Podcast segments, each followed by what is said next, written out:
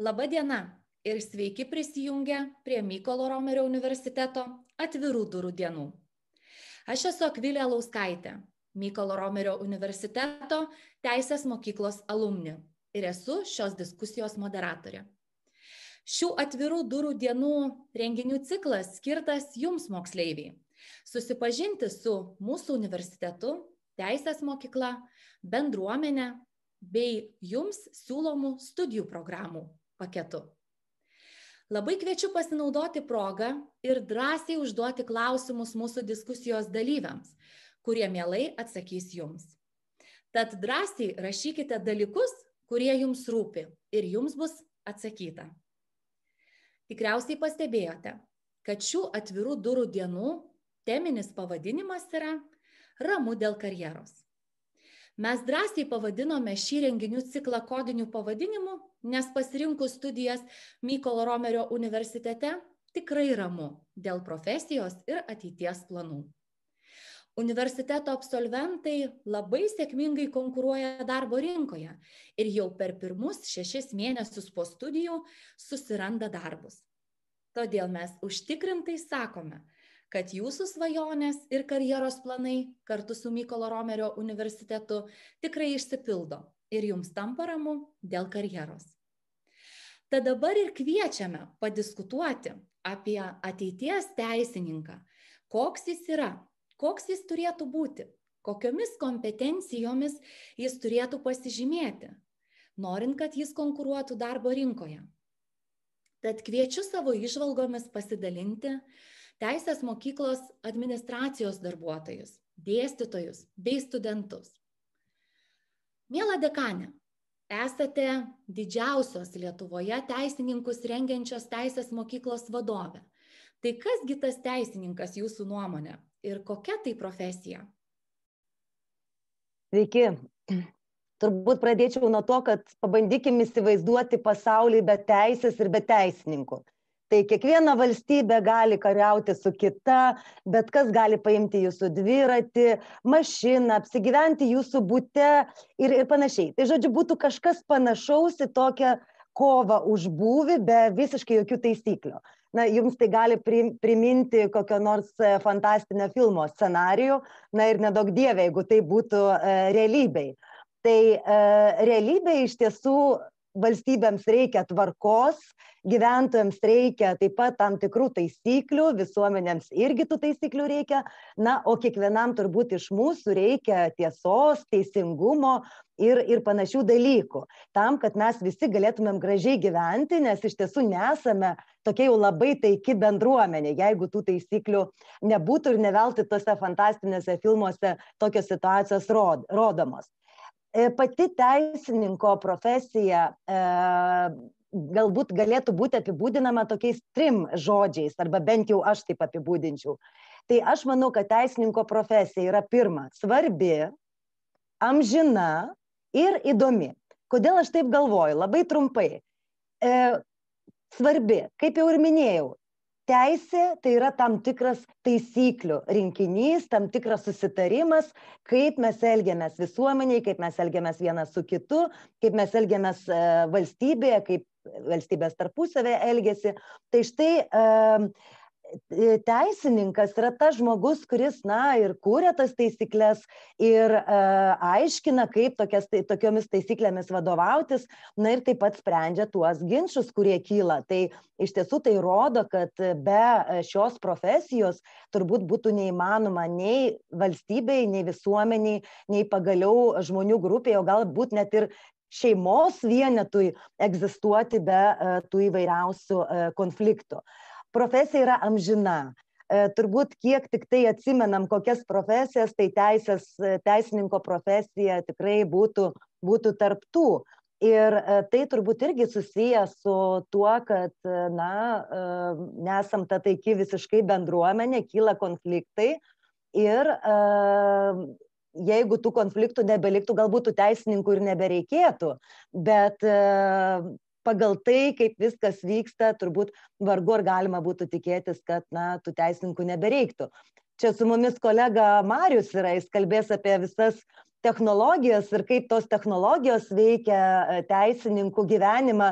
Ir tikrai teisininkai, patikėkit, yra sunerime, bet tikrai neturėtų būti sunerime tie, kurie e, planuoja studijuoti teisę dėl to, kad technologijos, na mano požiūrį, jos gali tik tai palengvinti teisininkų darbą, padaryti jį tokį, na, e, įdomesnį, nes nereikės dirbti su tokiais įvairiais techniniais dalykais, ieškoti informacijos e, patiems, tai gali daryti dirbtinis intelektas, bet e, iš esmės tikrai, na, vargu ar, ar teisininką gali pakeisti mašina, kuri yra užprogramuota, kuri gali būti labai protinga, bet gyvenimiškos situacijos yra tikrai daug sudėtingesnės ir reikalauja, na, ir empatijos, ir uh, tokių kompleksinių ir žinių, ir suvokimo, ir gyvenimiškos pagaliau patirties.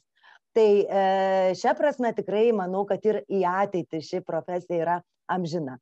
Na, o apie įdomumą, tai be abejo irgi galima būtų labai daug kalbėti, bet jeigu trumpai, tai kodėl aš manau, kad tai yra įdomi profesija. Tai pirmiausia, kad teisininkas dirba su daugybė istorijų.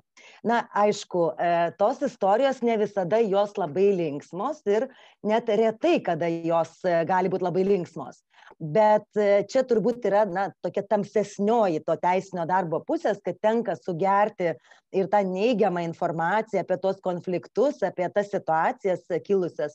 Bet na ne visada yra vien tiktai konfliktai. Iš tiesų tos istorijos yra ir verslo istorijos ir šeimų istorijos ir žmonių istorijos. Ir em, teisininko įsitraukimas jis ne visuomet padeda konfliktą spręst. Tam tikrais atvejais padeda tiesiog išvengti tam tikrų konfliktų tam tikrų na, situacijų, neigiamų situacijų. Tai šia prasme gali būti ir labai tokių pozityvių e, tų istorijų. Tai įsivaizduokit, šitiek istorijų įvairių e, teisininkas per savo karjerą sužino. Pagaliau vėlgi teisininkas sprendžia labai įvairaus pobūdžio problemas. Tai nėra taip, kad kiekvieną dieną vienas per tą patį. Taip, tas darbas tikrai šią prasme yra įdomus, kad tai yra labai įdomios ir įvairios problemos. Jeigu teisininkas yra tarptautiškas, tai jisai gali labai daug keliauti, bendrauti su labai skirtingais, įvairiais žmonėmis. Na, gal kam ir gali būti labai svarbu, kad teisininko profesija irgi pasireiškia tuo, kad teisininkas na jeigu jis nėra prezidentas taip kaip jungtinėse amerikos valstijose taip šiuo metu prezidentas ir ir ir viceprezidentė tai jisai gali patarti prezidentui jisai gali patarti politikams svarbiems žmonėms. Tai gal kažkam irgi tai yra svarbu ir tą norisi akcentuoti nes tai irgi daro šį darbą labai įdomiu nes išnyksta tie bendravimo barjerai. Praktiškai kaip teisininkas su savo argumentais su su savo žiniomis gali bendrauti su, su įvairiaus e, rango, įvairių kultūrų žmonėmis. Tai turbūt būtų tiek trumpai, nors galėčiau turbūt ir tą visą valandą kalbėti apie tai, kuo ta profesija svarbi, amžina ir įdomi. Ačiū gerbiamą dekanę. Na ir jūs, kadangi vadovaujate teisės mokyklai, tai žinote visą virtuvę, kaip rengiami teisininkai. Ar galėtumėt pasidalinti savo išvalgomis, kokia ta teisininkų rengimo virtuvė?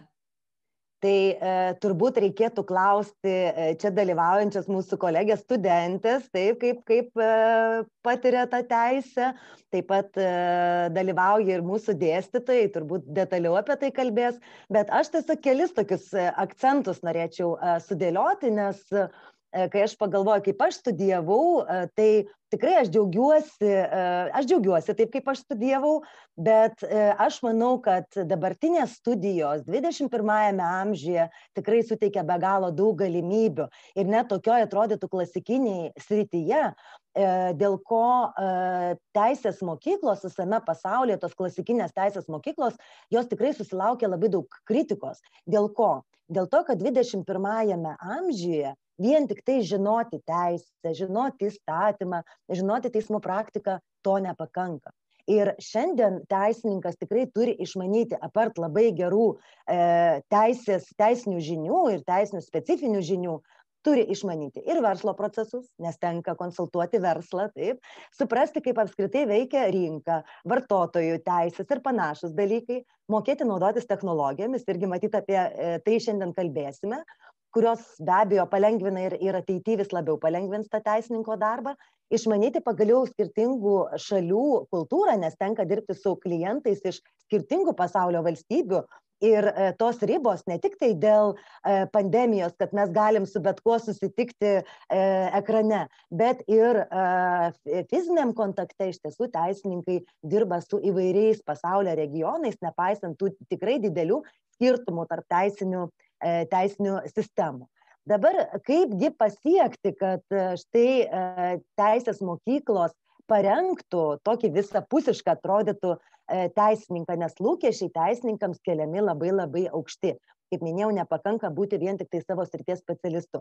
Tai mūsų toje virtuvėje mes irgi taikom tokių įvairių prieskonių, įvairių e, prieskonių prie tų pagrindinių teisės studijų, prie specialybinių dalykų. Na, kokiegi tie prieskoniai?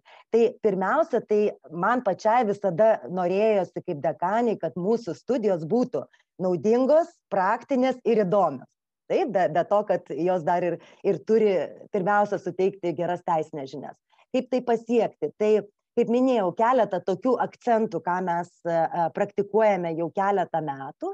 Tai pirmiausia dėstytojai. Kas gi yra tie dėstytojai? Tai didelė dalis dėstytojų yra teisę kasdien taikantys profesionalai tai jeigu jūs pasivaikščiotumėt mykolo riomerio universiteto teisės mokyklos ar apskritai universiteto koridoriuose tai ką jūs galite sutikti iš mūsų dėstytojų? Galite sutikti e, vieną iš konstitucijos kūrėjų kai kurių europos teismų buvusius teisėjus dabartinius konstitucinio teismo teisėjus aukščiausio teismo teisėjus advokatus laimėjusius garsias bylas rezonansines taip vadinamas e, taip pat ir verslininkus, sėkmingus verslininkus, kurie na, arba studijavo teisę ir pasuko į verslą, manydami, kad tos teisinės žinios tikrai jiems pravers.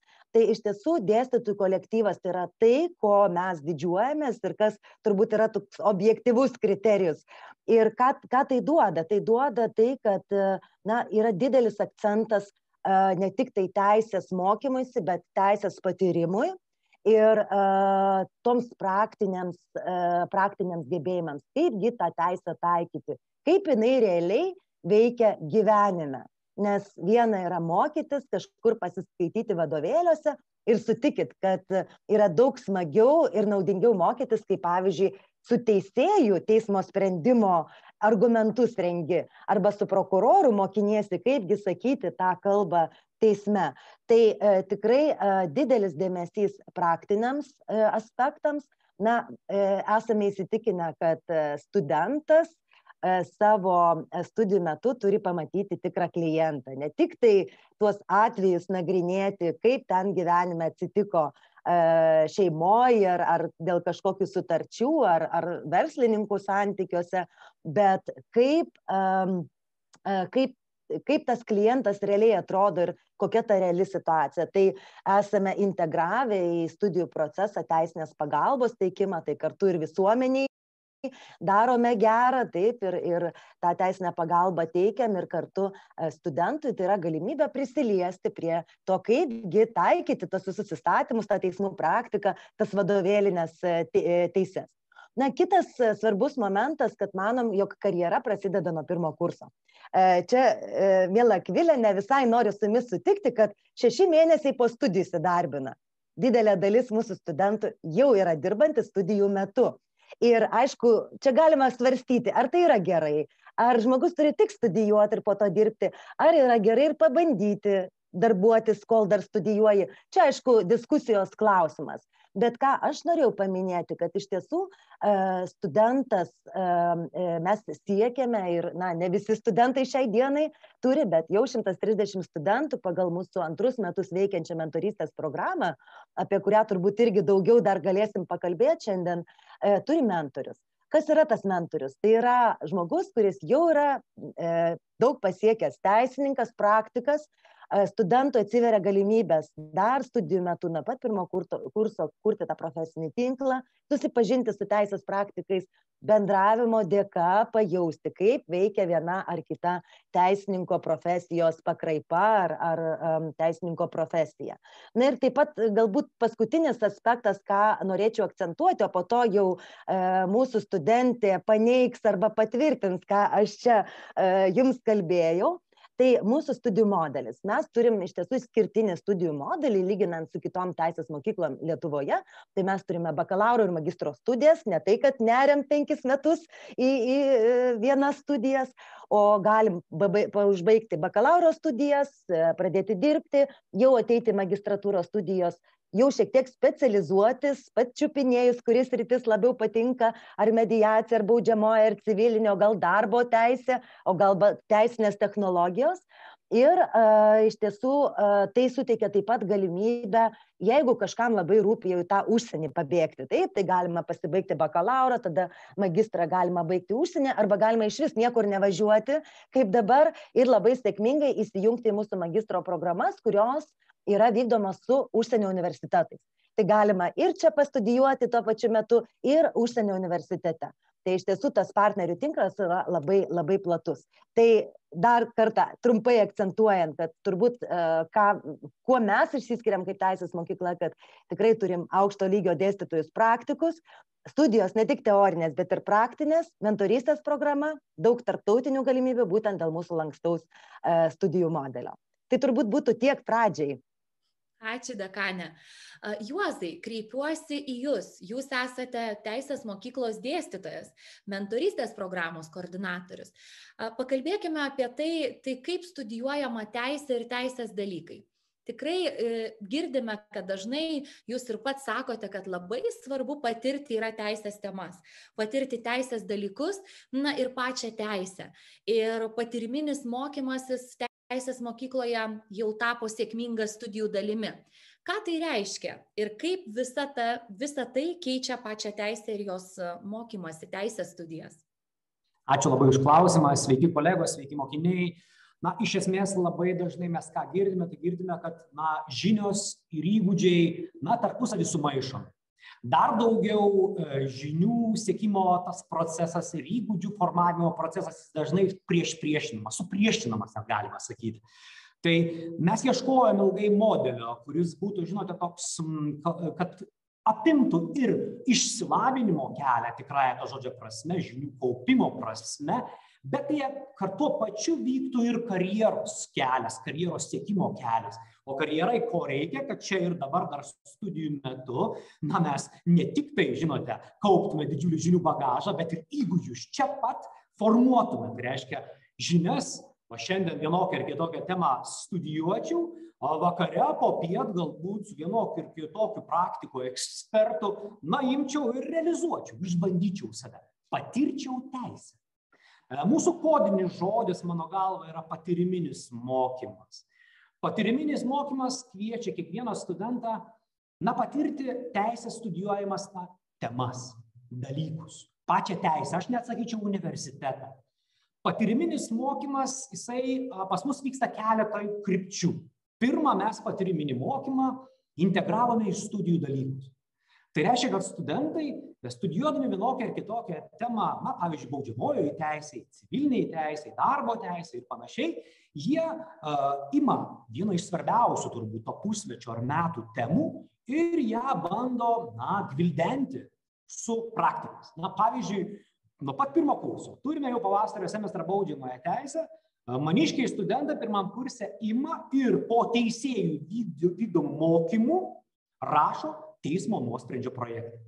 Reiškia, jau dėlioja mintis, išbando savo turimas žinias, kurias va ką tik, ką tik su dėstytoja aptarė, išbando save argumentacijoje, išbando save, na, kaip teisininką. Jis ruošia save ne tik tai einant įsilavinimo keliu, bet ir karjeros keliu. Tai integruojant į studijų dalykus, man atrodo, mes nu, tikrai laimėjome. Ir taip per dviejų metų patirtį mes galim drąsiai sakyti. Bet čia nesustojom ir mano galva na vėlgi na labai norėjome kaip kaip ir mūsų dekanė labai dažnai sakome na dabar geriausi mūsų kaip studentų vakarai. Ką tai turime mes galvoje? Vaka imkime vakarus studijų metu va tuos tris su puse metų ir išnaudokime ne tik tai paskaitose ir seminaruose laiką bet ir vakarais. Mes vakarais du tris kartus per savaitę turime patyriminio mokymosi užsiėmimus vakarais. Vat šią savaitę pavyzdžiui muitinės ryšio karininkas iš vokietijos ambasados latvijai lietuvai ir estijai jungsis su mumis ir bandys mums per praktines tam tikras temas parodyti, kaip tarptautiškai suprasti muitinę, save muitinės sistemoje. Generalinė prokurorė irgi jungiasi šią savaitę su mumis, kalbės konkrečiai ne tik tai, kaip jos akise keitėsi prokuratūra, bet ir a, pažvelgsime į jos, na, tą darbinę virtuvę. Esmė jų patyriminio mokymo, na, nerti, pasinerti į darbinę virtuvę, pajausti, pabūti kailyje, vaidmenyje to praktiko. Tai generalinė prokurorė kartu su mumis analizuos konkrečias bylas, situacijas susijusias su priekyba žmonėmis nusikaltimu. Tai va taip su patyriminiu mokymu integruotų į mūsų studijų procesą tiek rytais, tiek vakarais, mes, mano galva, žengiame ne tik įsilavinimo keliu, bet ir karjeros keliu. Mes patirime dalykus, mes teisės dalykus, mes patirime teisę, universitetą ir, žinote, žiniomis ir įgūdžiais. Ta pačią dieną, čia ir dabar mes tobulėjame. Ir tai labai yra svarbu, nes mes jokių būdų neapsiribojame, va, tai darydami tik tai, žinote, žinių kaupimu ar įgūdžių formavimu. Kolegos, Man atrodo, mes kalbam apie akiračio pločius. Mes savęs pažinimu užsimame. Va tai yra universitetas. Ir dėl to labai didžiuojas. Ačiū, mielas Juozai. E, kadangi pokalbėje dalyvauja ir studentė Eglė, Teisės ir muitinės veiklos studijų programos studentė, mėla Eglė, norėčiau Jūs pakalbinti. Ar tikrai ta teisės studijų programos studijavimas ir teisinių dalykų studijavimas yra toksai įdomus ir kokia jūsų ta diena ir rutina iš studento perspektyvos. Tai labai įdomu bus išgirsti jūsų išvalgas, Eglė. Sveiki visi, ačiū Akvilė už klausimą. Tai aš tik tai noriu paantrinti, ką tik šnekėjusiam gerbiamam Juozui, kad studijos bent jau mūsų teisės mokykloje yra tikrai įdomios ir uh, nuo studijų pradžios aš nekartą dar nesigailėjau, kad stojau į teisę, nors, kaip žinia, visuomeniai tikrai sklando kalbos, kad teisė yra studijuoti nuobodu, be galo sunku, kad tai yra sausas mokslas, kad tai sausa teorija, kad teisininkų galų galiai yra per daug. Tai aš nuo pirmų studijų dienų jau galėjau pasakyti, kad visa tai, ką aš girdėjau pati prieš stodama į teisės krypties studijas, kad tai yra mitai, ir kad mitų nereikėtų klausytis, o geriau, geriau pačiam pajausti ir įsitikinti, kaip yra iš tikrųjų. Tai kalbant apie mūsų teisės mokyklą, tos studijos tikrai, kaip minėjau, nėra sausos, e, nėra galų gale nuobodžios, nes turim e, patyriminį mokymą, turim mentorystės programą, apie kurią užsiminė tiek gerbiama dekanė, tiek gerbiamas dėstytojas. Tai tęsiant apie mano kaip teisės ir muitinės veiklos, kaip teisės krypties studentės dieną, tai ta diena yra, manau, panaši kaip ir kiekvieno studento, bet aišku, tuo pačiu Mykolo Romerio universiteto moky, teisės mokyklos m, mm, aplinkoje jinai išsiskiria. Išsiskiria tuo, kad studijos neleidžia, kad dienos virstų nuobodžios ir kad būtų visiškai vienoda rutina. E, apie tai kalbėdama turiu galvoje mūsų patyriminį mokymąsi, kadangi tai yra ir tiesioginė studijų dalis, tai dalykai yra integruoti į paskaitas, į seminarus ir aišku, tai yra kaip ir papildoma veikla vakarais, kad tie vakarai ypatingai kaip dabar buvo nuotolinis ir yra nuotolinis mokymasis, kad tos dienos netaptų vienodas ir vakarai nuobodus, tai paįvairinimai tai yra labai gerai. Tai kaip ir užsiminė mūsų patyriminio mokymo taip pat ir kuratorius Juozas, tai bent kartą, o kartais net ir visus keturis kartus savaitėje mes turime patyriminio mokymosi vakarus, Pavyzdžiui, rudenį e, mokėmės teisinės argumentacijos iš klasikinių teisinių gildijų atstovų. Dabar šį pavasarį vyksta Teisės ir demokratijos forumas, kuris yra svarbi konstitucinės lyginamosios teisės dalis. Ir tai tikrai, tikrai, kaip ir minėjau, praturtina mūsų studijas. Be to, taip pat gerbiamas Juozas yra mum kaip studentam e, ir patyriminio mokymosi užsiemimų vadovams, e, teisininkams, kurie jungiasi bendrauti su mumis kaip studentais, yra sakęs, jog tas nuotolinis mokymasis atnešė universitetą į kiekvieno studento namus. Ir mūsų universitetas tapo namų universitetu, tai aš norėčiau pantrinti Juozui, Ir dar galbūt pridėti, kad tas nuotolinis atnešė ne tik universitetą, bet ir visą teisinių žinių pasaulį į mūsų namus. Nes į mūsų patyriminį mokymąsi jungiasi svečiai iš užsienio. Jungiasi Junktinės Amerikos valstijos, Austrija, Vokietija, žodžiu, mes tikrai neapsiribojam vien nacionaliniu lygmeniu ir čia yra labai didelis pliusas. Tai yra kaip savotiška kelionė nuotoliniu būdu po teisininko profesinį tinklą. Ir tai yra tikrai tikrai labai didelė galimybė kurią teikia mykolo romerio universiteto teisės mokykla kiekvienam studentui nuo pirmo iki pat ketvirto kurso. Tai čia ta kelionė tęsiasi nuo pat atrodo čia pat esančio apylinkės teismo iki lietuvos konsulato už atlanto tai galbūt dar kartą pasikartosiu kad tas patyriminis ne tik praskrai pa praskaidrina vakarus ir gelbsti nuo tos rutinos bet kaip gerbiamas Juozas ir minėjo, plečia akiratį, e, plečia mūsų turimas žinias, taip pat suteikia studentui galimybę nuo pačių pirmų studijų dienų pažinti teisininkų bendruomenę. Kaip sakant, patyriminio mokymosi metu mums kontaktai, žinios ir akiračio platumas yra padėti praktiškai ant lėkštutės, mums ko tai reikia, tai tai turint norą ir užsidėgymo, protingai pasiimti ir išnaudoti šitas galimybės. Tai tiek apie tą patyriminį mokymąsi, apie kurį jau prieš mane kalbėjo Juozas. Ačiū, mėla Eglė. Tikrai jūsų beklausant pasilgau studijų universitete ir kažkaip tokia nostalgija netapėme, kad mielai norėčiau dar kartą studijuoti ir būtent studijuoti tokią formą ir tokiu būdu.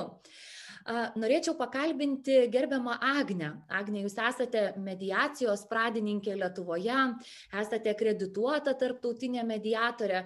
Sakykite, kaip keisis teisės studijos arba kaip keičiasi teisės studijos ir apskritai teisininkų vaidmuo visuomenėje, nes tikrai daug smagių naujovių laukia būsimų teisės studentų. Sveiki visi, labai malonu diskutuoti ir labai malonu pasisakyti šitą temą, kuri man tikrai labai labai aktuali, nes aš stebiu teisininko profesijos virsmą, pokytį ir turbūt, na, nenustebinsiu pasakydama, kad apskritai teisininko vaidmenys visuomeniai visada buvo ir yra labai įvairūs. Ir tai turbūt na pati tokia universaliausia profesija, kuri Mm, studentui, absolventui atveria pačias plačiausias darbo pasirinkimo galimybės. Na, o moksleiviam turbūt teisininkas dažniausiai asocijuojasi tu su teisėju, oriu, oriai vykdančiu teisingumą ar advokatu išdidžiai ginančiu savo klientų teises ir interesus. O tai tik nedidelė dalelė teisinio darbo perspektyvų. Ir pastaruoju metu vis labiau ryškėja tas naujas teisininko vaidmuo - taikintojas. Na, ne tik kovotojas, ne tik gynėjas, bet taip pat ir taikintojas. Ir kalbant globaliai, pasaulis kaista, Ir ta kai, toks mm, kaitra yra ne tik dėl klimato kaitos, bet taip pat ir dėl gausybės konfliktų. Pasižiūrėkime, kas vyksta pasaulyje tiesa. Ir nuolat konfliktai vyksta tarp valstybių, tarp verslo subjektų, tarp valstybės institucijų, visuomenės narių, kaimynų, galų gale šeimos narių ar draugų. Ir šie konfliktai iš tikrųjų jie yra neišvengiami, jų nekaip negalime na, išvengti, bet mes negalime leisti, kad jie būtų chaotiški, kad jie stiprėtų ir na kad tuos neigiamus jų padarinius jaustų didelis ratas žmonių tai na tą nesutarimų ratą turi kažkas kažkas užbaigti turim tuos konfliktus išspręsti. Ir čia didelę pagalbą be abejo teikia teisininkai, kurie pasirenka savo veiklą orientuoti ne į kovą, ar laimėjimo teismo salėje siekimą, o į dialogą. Dialogą tarp nesutarančių asmenų ir taikių sprendimų paiešką. Ir pastebiu, kad net ir tų klasikinių profesijų atstovai, pavyzdžiui, teisėjai, advokatai, notarai, antstoliai, šiandien vis stipriau jaučia poreikį, na, ne tik vykdyti teisingumą ar ginti tas, na, galimai pažeistas žmonių teises. Aišku, šitie vaidmenys nieko met, na, jų aktualumas neišnyks ir visuomet to, tų, tokių teisininkų reikės. Bet taip pat ir siekti to socialinio kompromiso ir ieškoti kaip taikiai tarpusavio bendradarbiavimu padėti žmonėms spręsti ginčius. Ir taip pat formuojasi ir tos naujos teisinės profesijos. Amerikoje didžioji naujiena. Didžiulis skaičius teisininkų renkasi bendradarbiavimu grįstą teisę ir su klientais dirba tik tol, kol įmanoma pasiekti taiką na nepavykus neradus tos taikos estafetė perdodama tiem kurie bylinėjasi teisme tiem teisininkam.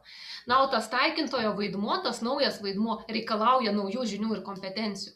Jeigu tas na klasikinis senais standartais rengtas teisininkas norėtų to imtis jam tikrai daug ko trūktų. Būtų didžiulės spragos.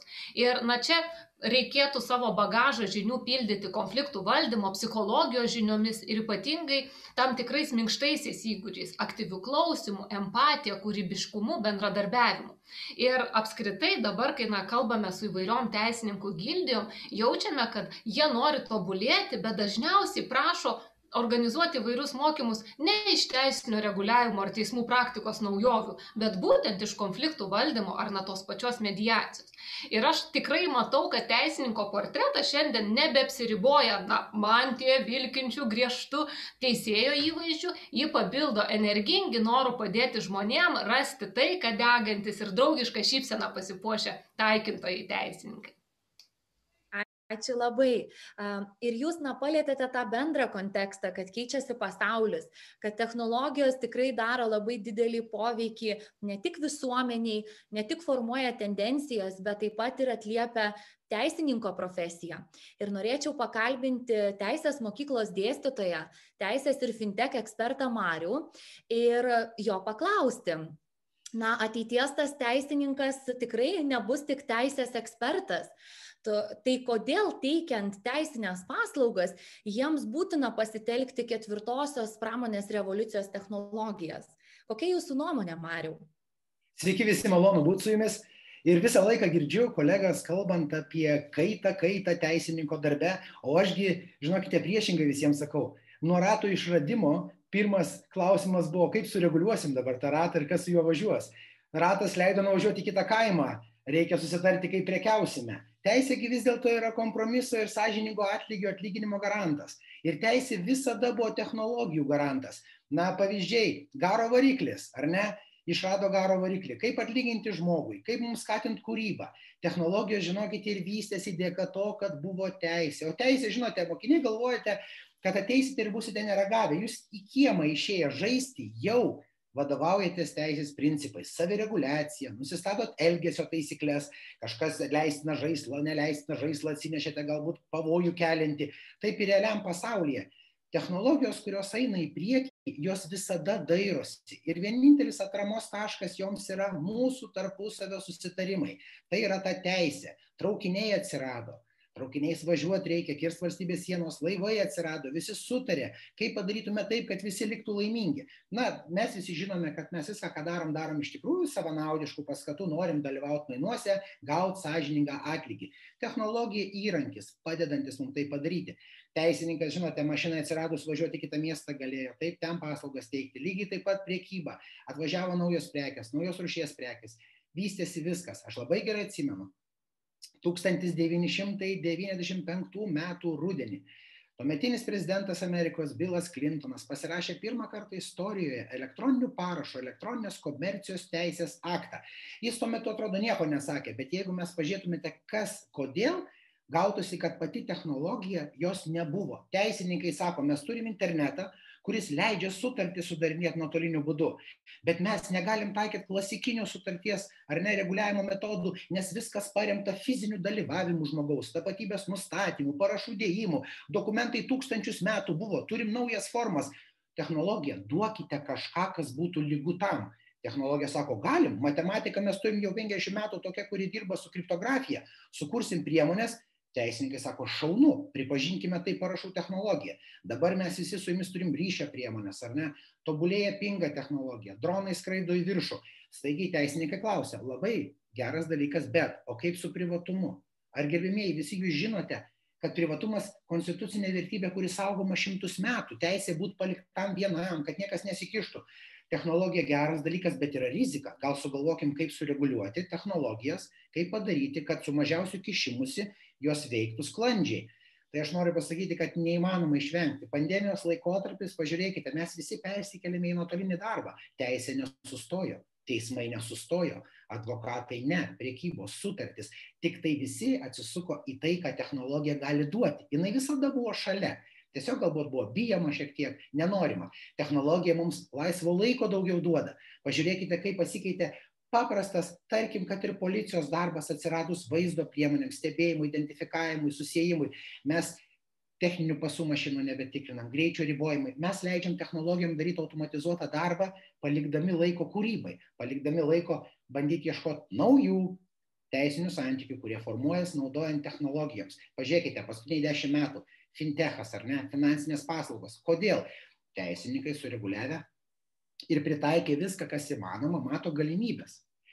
Technologijų kūrėjai galvoja galbūt niekam nebus įdomu teisininkai kaip tik priešingai pasakys ne darykite nepamirškim mes turim taisykles net jeigu neturim tų taisyklių sukurkime jas naujas tai vat koks iššūkis laukia pats didžiausias. Tai kad jūs pasirinkdami studijas teisės jūs negalvokite kad jūs ateisite ir jum bus duota ką jūs naudosite. Tikrai ne. Jūs gausit pamatą o naujas reguliavimo taisykles ir naujus teisinius santykius jūs turėsit identifikuoti ir jūs turėsite juos reguliuoti. Ir vėliau atitinkamai keisis teismų darbai prokuratūros ir advokatūros. Viskas priklausys tiesiogiai nuo naujų teisinių santykių kurie vienareikšmiškai formuosis technologijom plintant va tiek va galiu impulsyviai apie technologijas ir teisę Ačiū, Mariau. Matom, kad tiesiog jūs degat aistra technologijom ir teisės ryšiui. Tai labai džiugu, tai mėly moksleiviai, kurie norėsite studijuoti technologijas ir teisę, tai turėsite progą susitikti su dėstytoju. Na, kadangi jau prakalbome apie tendencijas, apie naujoves, tai teisininkų bendruomenėje pastaruoju metu vis dažniau girdime kai kuriems dar mažai žinomą terminą ir žodį mediacija.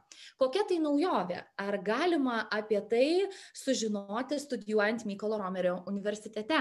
Mėla Agne. Tai mediacija yra taikus ginčių sprendimo būdas, kuomet į pagalbą šalim yra pasitelkiamas trečiasis asmuo.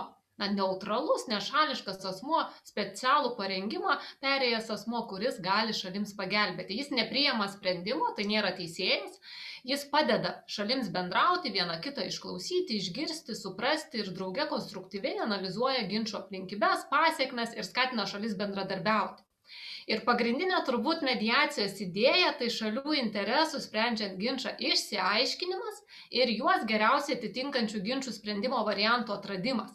Na ir tai tam tikras ginčo šalių santykio gydymas, kuris sparčiai atranda savo vietą ir Lietuvos teisiniai sistemai. Tai čia su medicina jau pradedu vesti tam tikras paralelės. Tai jeigu mes tuos teisininkus besidarbuojančius teismo salėje metaforiškai galime vadinti chirurgais, kurių paslaugos gydant sudėtingas lygas yra tikrai būtinos ir neišvengiamos, tai turbūt tuos mediatorius galim vadinti šeimos gydytojais, terapeutais. Nes, na, ar turbūt pritarsite man, kad ne visi žmonių negalavimai turi būti gydomi operacinėje. Ir daugelį jų galim išspręsti tikrai tik pakeitę savo gyvenimo būdą ar pavartoję tiesiog šeimos gydytojo paskirtų vaistų. Tai lygiai taip pat ir mūsų konfliktai. Ne visada jie reikalauja drastiškų priemonių, teismų procesų, kurių pritaikymas neretai yra na, dar labiau supriešinantis. Bet to trunka labai ilgai ir brangiai kainuoja. Na, o ar tai naujovė? Sunku pasakyti, Lietuvoje mediacija plėtojama ir vystoma jau beveik nei daugiau negu 15 metų. Ir na, tikrai tai labai universalus ginčių sprendimo būdas ir jis tinka spręsti net ginčius tarp valstybių, juk mediacija yra vienas iš diplomatijos įrankių. Taip pat ginčus tarp paprastų žmonių dėl šeimos, verslo, darbo, vartojimo, daugeliu kitų sričių. Ir mediacija netgi puikiai pritaikoma viešosios teisės srityje, kur gelbė sprendžiant ginčius tarp įvairių valstybės institucijų ir pareigūnų bei piliečių.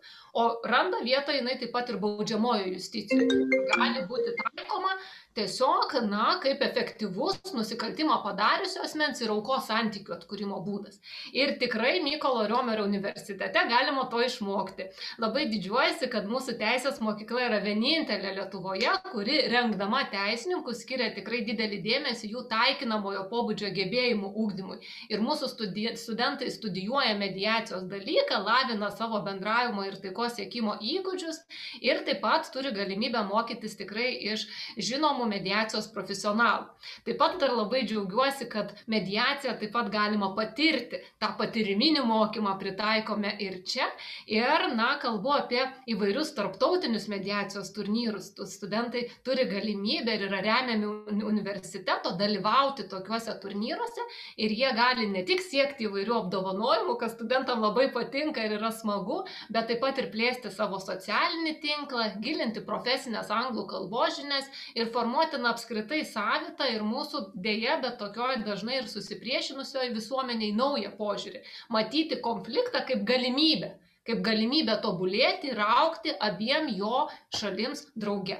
Tai tikrai, manau, perspektyvus dalykas ir mūsų studijos mūsų universitete tokią galimybę studentam suteikia. Ačiū Jums, Agne. Na ir norėčiau pakalbinti gerbiamą dekanę. Sakykit, kaip Jūs galvojate, ar teisininkas yra profesija ar jau gyvenimo būdas?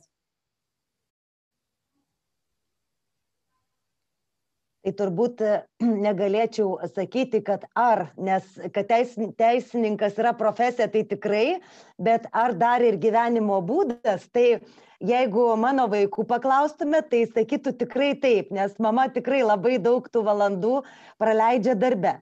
Tačiau kita vertus, aš galvoju, kad apskritai bet kurioje profesijoje, jeigu jeigu darbas yra įdomus, o jau kalbėjau, kad teisininko darbas tikrai yra įdomus, tai e, jeigu darbas yra įdomus, tai iš tiesų, na, nebelieka to tokio atskirimo, kad vat, čia darbas, čia neįdomu, o dabar jau čia gyvenimas, čia jau įdomu.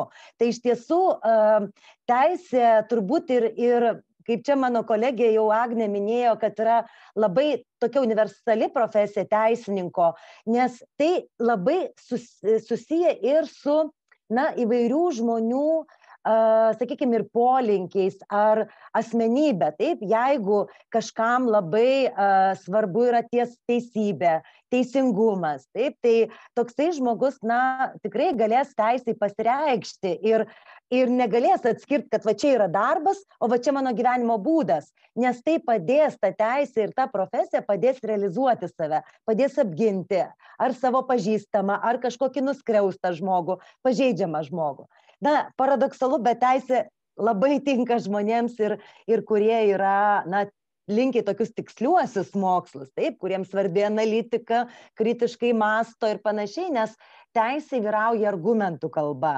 Ir e, ta profesija taip neretai padeda ir gyvenime, dėl to, kad argumentų kalba neretai yra lengviau susikalbėti negu vien tik tai emocijomis, kurio, kurių irgi ir teismuose, ir, ir teisiniai profesijai netrūksta, bet visgi teis, teisininkui būdinga argumentų kalba arba geras teisininkas kalba argumentų kalba. Na, o tam, kas, kam patinka tyrinėti, kažkokias smulkės detalės nagrinėti, taip, e, turi įvairių tokių pomėgių, tai, tai teisė irgi tinka, nes e, teisė irgi yra ta dalis, e, galbūt ateityje dirbtinis intelektas tą perims, bet, bet tokio detektyvinio tyrimo e, atlikimo, kad teisė irgi to reikia. Na, o tie, kurie yra labai verslus, kuriems yra labai įdomu išbandyti įvairias na, lėšų generavimo, lėšų užsidirbimo būdus, tai teisė irgi yra labai tinkama dėl to, kad versle teisinių žinių labai reikia. Ir verslininkai turbūt daug klaidų nedarytų, jeigu patys na, tam tikrus teisinius aspektus suvoktų, ne tik tai pasitelktų į pagalbą teisininkus. Tai galiu pasakyti taip, kad tikrai būti teisininku nėra taip paprasta, nes e, tam, kad būtų gerų teisininkų, kaip ir bet kurioje kitoje profesijoje, manau, reikia e, labai daug valandų į tai įdėti ir investuoti, bet iš tiesų kiekvieno žmogaus gyvenimui tokia profesija, jinai tikrai suteikia labai daug galimybių suteikia labai daug, atveria labai daug kelių, kaip minėjau, ir bendrauti su įvairiaus rango žmonėmis, patarti, išplėsti pažinčių ratą visame pasaulyje. Na ir kam labai svarbu, man visada tai buvo labai svarbu apginti žmogų, kuris yra nuskriaustas, pažeidžiamas ir kuris, na, sakykime, pats be teisinių žinių negalėtų savo teisę apginti. Ačiū labai. Na ir pabaigai klausimas jums visiems, mėly diskusijos dalyviai, tai ko palinkėtumėte trimis žodžiais jaunam žmogui, dabar stebinčiam mus ir galvojančiam apie savo karjeros kelią ir galbūt net na, nedrasiai svajojančiam apie teisininko karjerą. Tai gal pradėkime juos daino jūsų. Kokie tie trys žodžiai, trys palinkėjimai jaunam veržliam žmogui? Gerai, pirmiausiai trys žodžiai, tada po sakinį kaip palinkėjimas prie kiekvieno žodžio, kitaip negaliu. Tai uh, patirtis, mentorius ir akiratis. Uh, labai linkiu įstojus, stojant į teisę, na, neapsiriboti knyga, kodeksu, bet eiti į patyrimą, nes, na, visos galimybės tam yra labai linkiu turėti ne vieną bet du gal net tris mentorius. Turime čia eglę mumis studentė jinai turi tris mentorius šaunuolė. Reiškia kiekvienais metais augti su kuo daugiau ekspertų profesionalų mūsų draugų ir aišku akiratis. Nes teisė neatsiejama teisininkas neatsiejamas nuo plataus akiračio ačiū. Ačiū juozai. Miela agne jūsų palinkėjimas na jaunam žmogui linkiu drąsos, drąsos bandyti, kūrybiškumo, jokių rėmų nepaisimo, tiesiog kūrybiško požiūrio į gyvenimą ir taip pat suvokimo, kad šiandieniniam pasaulyje jis yra laisvas save kurti. Ir vertinimo šitos laisvės ir naudojimosi, drąsos naudotis tą laisvę. Ir to, kaip ir Juozo minėto, plataus akiračio tam, kad matyti visus tūkstančius tų galimybių, kuriuos šiandien turi jaunas žmogus ir tiesiog drąsiai jomis visom pasinaudoti. Ačiū Jums, Agne. Mielas Mariau, ką Jūs palinkėtumėt jaunimui? Irgi trys žodžiai - ieškok, analizuok, keisk. Ieškok naujų santykių, ieškok naujų galimybių, ieškok srities, kuri tave traukia, net jeigu tai nėra, kaip tau pradžiai atrodo, glaudžiai siejasi su teisė bandyk žiūrėk kur problemos. Analizuok. Žiūrėk kas padaryta kas nepadaryta. Ir nebijok jeigu nieko nepadaryta. Drąsiai trečias keisk. Siūlyk ir toliau stenkis kad visi kiti tą patį darytų. Štai kas yra iš tikrųjų teisė. Egle ką jūs palinkėtumėt savo bendraminčiams bendraamžiams? Aš galbūt palinkėčiau žmonėm, kurie nesvarbu, ar planuoja, galvoja stoti teisės studijas ar kitas, aš manau kad svarbu yra neapsiriboti ir nesivadovauti visuomenės mitais ir kas svarbiausia nebijoti klausti ir bandyti. Ačiū jums. Dekane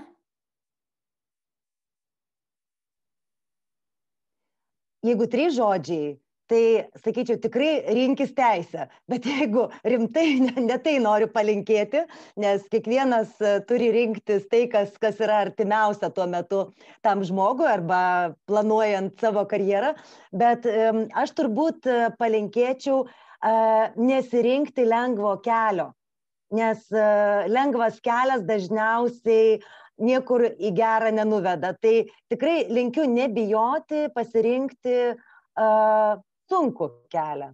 Va keturi žodžiai gavosi, jeigu galima. Nes sunkus kelias ir investuotos pastangos, e, noras, motivacija, tai tikrai atsiperka visom prasmėm. Ačiū labai. Ačiū labai, mėly kolegos, kad šiandieną pasidalinote savo išvalgomis apie ateities teisininką. Ir matyt, mums dabar visiems aiškiau pasidarė, kad ateitis teisininko profesijai tikrai yra įspūdinga. Ačiū visiems, kurie žiūrėjote ir buvote su, manim, su mumis šį laiką. Na, o visi tie, kurie galbūt prisijungėte vėliau arba norėsite pasižiūrėti šį mūsų susitikimo įrašą, primename, kad jis patalpintas bus Mykolo Romerio universiteto YouTube kanale bei mūsų Facebook'o paskyroje.